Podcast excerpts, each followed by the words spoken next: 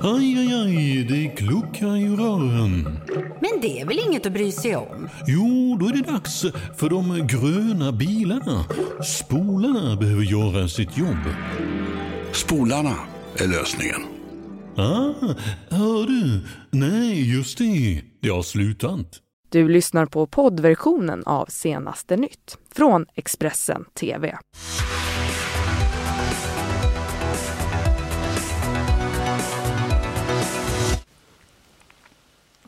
God morgon, god morgon. Vad härligt att ni är vakna och är med oss här i Senaste nytt denna onsdag. Och vi har kommit till den 15 maj. Jag heter Johanna Gräns. Mm, jag heter Ylva Johansson och det här det är morgonens rubriker. KDs Sara Skyttedal kallade de som bojkottar flyget för dumpuckon skyller på feber. Och knut, eh, knutbydramat fortsätter. Idag så väcks åtal mot bland annat Kristi brud. Och på lördag så går Eurovision Song Contest i Tel Aviv av stapeln men evenemangen kantas av en rad tekniska problem. Men vi ska först eh, bege oss till eh, Tingsryd i Småland för där har fyra till fem personer hämtats in till förhör efter en skottlossning. Enligt polisen så har eh, man skjutit in i en bostad. De boende larmade själva polisen vid 23-tiden igår kväll. Ingen person ska dock ha kommit till skada i den här händelsen.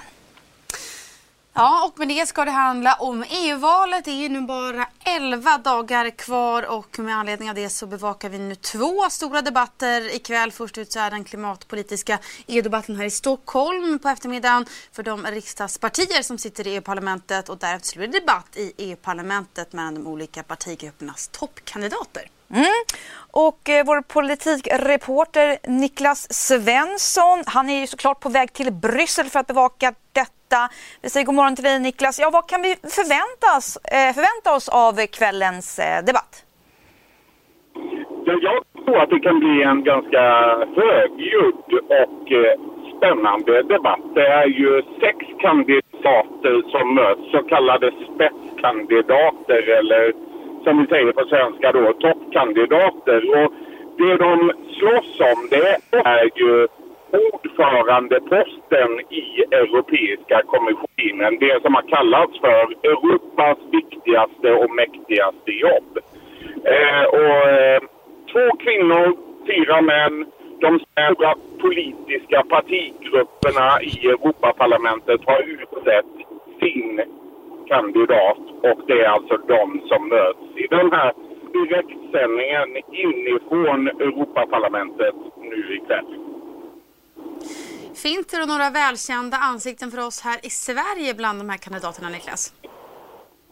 Ja, alltså för mig så finns det ju några kända ansikten men jag tror tyvärr att för den allra största majoriteten svenskar så är alla sex ganska okända. Manfred Weber, han representerar det konservativa och kristdemokratiska EPP som ju är den största gruppen i eh, Europaparlamentet. Och han har stöd av Kristdemokraterna och av Moderaterna här på hemmaplan. Och sen har vi Frans Timmerman. Så det namnet känner man möjligen igen för han har varit och besökt statsminister Stefan Löfven vid några tillfällen. Eh, och sen så har vi då som jag sa två kvinnor också. Den ena är en eh, eh danska som eh, eh, för de allra flesta svenskar tror jag är okänd men som i Danmark förstås är oerhört känd. Hon har varit partiledare och har suttit i två olika danska regeringar. Hon heter Margrethe Vestager. Och det finns många i Europa som hoppas att hon ska kunna utmana de här två gubbarna som jag nämnde först. Mans och, ähm, ähm, äh, och Manfred Weber. Ja, tack så mycket Niklas och tack att du bevakar eh, detta för oss här i Expressen TV. Vi ska hålla oss kvar eh, kring Europaparlamentsvalet, eller hur Ylva? Ja, det var ju eh, utfrågningar av två EU-toppkandidater i SVT igår. Eh, det, det rörde sig om eh, FIs eh, Soraya Post men också om KDs Sara Skyttedal. Och Sara Skyttedal hon sa bland annat att hon anser att EU ska ha mandat att styra EU-ländernas migrationspolitik. Och på frågan hur det går ihop med, KD, med att KD går till val under parollen EU ska vara lagom så sa hon så här.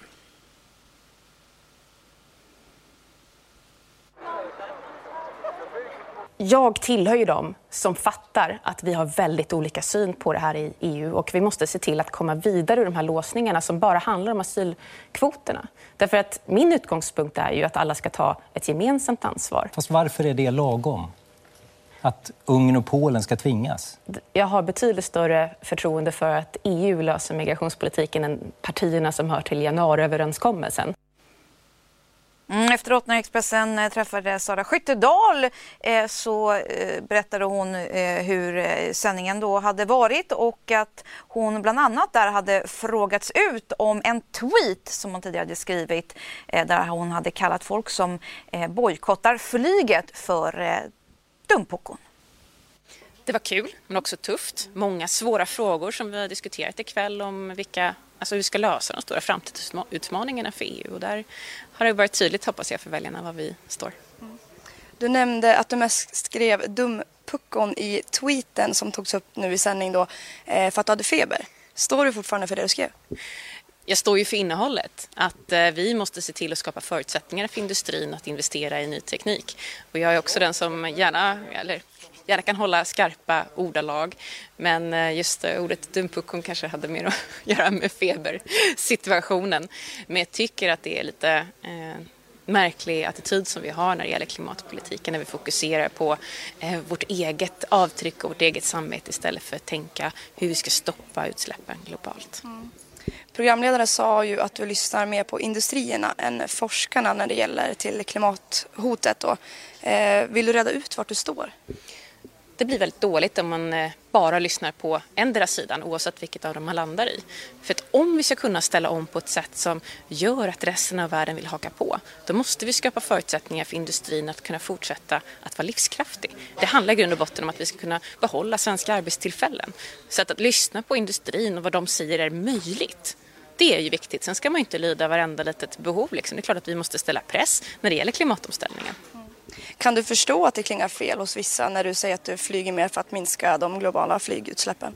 Med tanke på var den svenska debatten ligger, där man tror att det, eh, det går att liksom påverka den stora globala trenden när det gäller flygandet på det sättet när vi snarare står inför en massiv ökning av flygandet globalt. Ja, det är klart att jag förstår att människor inte riktigt hänger med och det är det som jag menar är så fel med den svenska flygdebatten. Den har fokus på att liksom bestraffa flygande och skuldbelägga människor som åker på semester, som reser i tjänsten istället för att bekämpa utsläppen. Mm, vi ska nu till någonting helt annat. Vi ska till Knutby.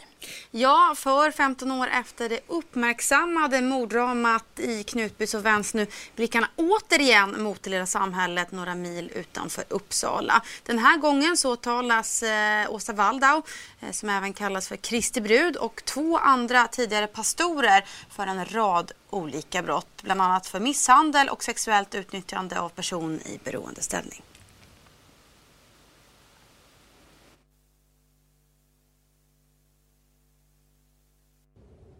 För 98 år sedan grundades den kristna Philadelphia-församlingen i Knutby som blev känd under 2004 under vad som kom att kallas för Knutbydramat. En av församlingens pastorer, Helge Fossmo, dömdes senare för anstiftan till både mord och mordförsök. Idag avtjänar han sitt livstidsstraff. Åsa Waldau, som också är känd som Kristi brud, såg som andlig ledare för församlingen som levde kvar fram till förra året då den upplöstes. I SVTs Uppdrag granskning trädde flera tidigare medlemmar fram och vittnade om att Åsa Waldau styrde församlingen med järnhand. Bilden som gavs var att den som trotsade henne riskerade att frysas ut eller misshandlas. 2017 polisanmäldes tre tidigare pastorer för misshandel och sexuella utnyttjanden och nu har åklagare meddelat att åtal väcks.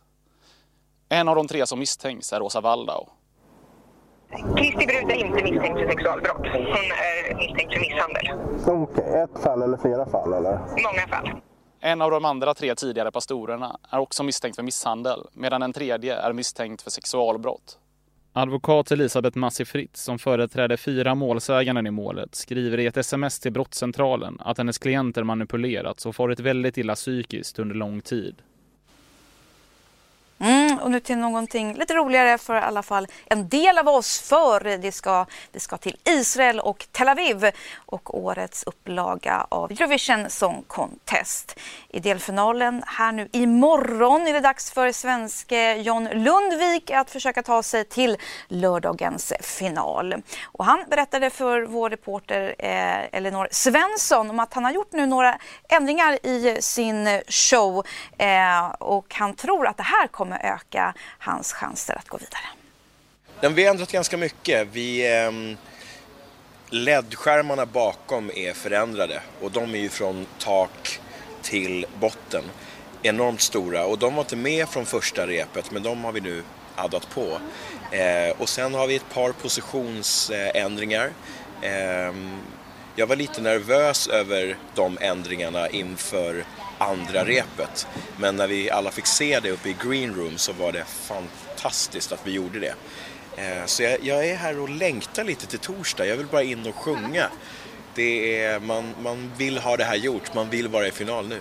Hur sent in kan man ändra? Det känns, jag tycker det känns sent att ändra nu men det kanske det inte är. Man kanske ändrar kameravinklar och små saker in i det sista. Ja, men alltså, jag tror att man, man kan nog ändra saker ända in i det sista. Men just de här större positionsändringarna tror jag är lite jobbigt för hjärnan att ändra. Men eh, som Michael Rice sa här innan, de har ju ändrat sitt nummer varje rep på grund utav att man inte riktigt ska veta vad de kommer med i finalen. Eh, så vissa tänker så. Men... Mm, och det har varit lite strul kring eh, förberedelserna inför det här evenemanget, eller hur? Ja, eh, evenemanget har kantats av en del tekniska problem. De svenska kommentatorerna Edvard af Sillén och Charlotte Perrelli berättar om hur det var under repetitionerna. Det var första gången vi såg någonting från, från produktionen, programledarna mellan akterna. Så det var väldigt spännande. Ja. Det blir en kul sändning. Vad, vad tyckte ni om repet då? Nu vet jag inte om vi såg samma men det var ju lite kaosigt. Ja, ni fick det kaotiska repet Ja. på eftermiddagen. Vi, fick ett, Vi slapp det. Jag tror att de hade haft många krismöten efter ert, ert rep. Eh, Och jag tror att de var lite mer på tårna när vi körde. Så att kvällsrepet gick mycket, mycket bättre. Tills ungefär en timme och 20 minuter in, Ja. då det tog stopp. Men, Ja. men fram till dess gick det bra. Så att det vi såg så, såg bra ut. Vad var det som fick stopp? Något tekniskt gjorde att de fick ta en väldigt, väldigt lång paus och vi satt i ett litet bås. De skjuter ju in AC och vi satt i shorts. Så det var, det var, det var Ja, det var lite så Sibirien där. med kläder, med, med plädar Ja. till eh, båset. Ikväll blir vi påklädda i Mm. båset. Men nej, men eh, kul program. Det, jag tror det kan bli bra. Ja, men med tanke på de här småkaosen som har varit och jag vet också att det snackas mycket i de olika delegationerna om att det är struligt. Har ni någon plan för så här, det här ska vi prata om om det blir tyst? Alltså vi kan prata om allt mellan himmel och jord. Ja, det just, löser vi. Just det här forumet har ju Edvard har kommenterat i tio år, eller? Mm, och jag har ju ganska mycket erfarenhet av det också, fast på ett annat sätt. Så det finns ju sjukt mycket att prata om. Ja, ja, så tänker jag också. Vi får ju se. Jag, jag är lite orolig i den aspekterna, för det är ju en livesändning och det är väldigt mycket att tänka på. Och också just för deras skull. Man vill dem så väl. Jag vill att det ska bli ett bra program, för jag har ju själv jobbat med det här och, och, och, på den sidan också. Mm. Och det är mycket press, så jag hoppas ingenting händer. Men gör det så får vi prata om staden, John, The Mamas. Precis, det finns mycket. Och sen, men jag måste ändå säga att jag var, eh, eftersom man då har hört att det ska vara lite, att det ska finnas lite problem och problematik inom det tekniska, Mm. så kände jag att ambitionsnivån ligger ju otroligt hög, Ja. högt. Och den LED-skärmen som både är på golv och på vägg, alltså det är bland det snyggaste jag sett i Ja, det är Eurovision. Alltså, det är fruktansvärt bra gjort. Så fungerar det bara, klappa Ja. det, så kommer det bli skitbra. Mm, gillar du schlager Ylva? Ja, jag älskar schlager. Mm, jag med. Framförallt Charlotte Perrelli. Ja, hon är grym. Nu till någonting helt annat. Vi kan nämligen berätta att en tavla nu har sålts för en rekordsumma på auktionshuset Sotheby's i New York. Det handlar om Claude eh, Monets eh, mull från 1890 som nu har sålts för hela 110 miljoner dollar, vilket motsvarar drygt 1 eh, miljard kronor. Ja, och enligt auktionshuset så är det här ett rekord både för Monet-tavlor men också för impressionisttavlor i stort. Tavlan ingår i Monets eh, hös- höstacksserie som nu består av 25 oljemålningar. Och eh, vi ska säga att senast det såldes, det här verket, det var 1968. Då såldes det för 2,5 miljoner dollar. Så det har ju stigit lite i värde kan man säga. Ja, eh, lite grann. eh, med det så kan vi säga att eh, vill ni ha mer nyheter så går ni såklart in på Expressen.se. Du har lyssnat på poddversionen av Senaste nytt från Expressen TV. Ansvarig utgivare är Thomas Mattsson. Ett poddtips från Podplay. I fallen jag aldrig glömmer djupdyker Hasse Aro i arbetet bakom några av Sveriges mest uppseendeväckande brottsutredningar. Går vi in med hemlig telefonavlyssning och, och då upplever vi att vi får en total förändring av hans beteende. Vad är det som händer nu? Vem är det som läcker? Och så säger han att jag är kriminell, jag har varit kriminell i hela mitt liv men att mörda ett barn, där går min gräns.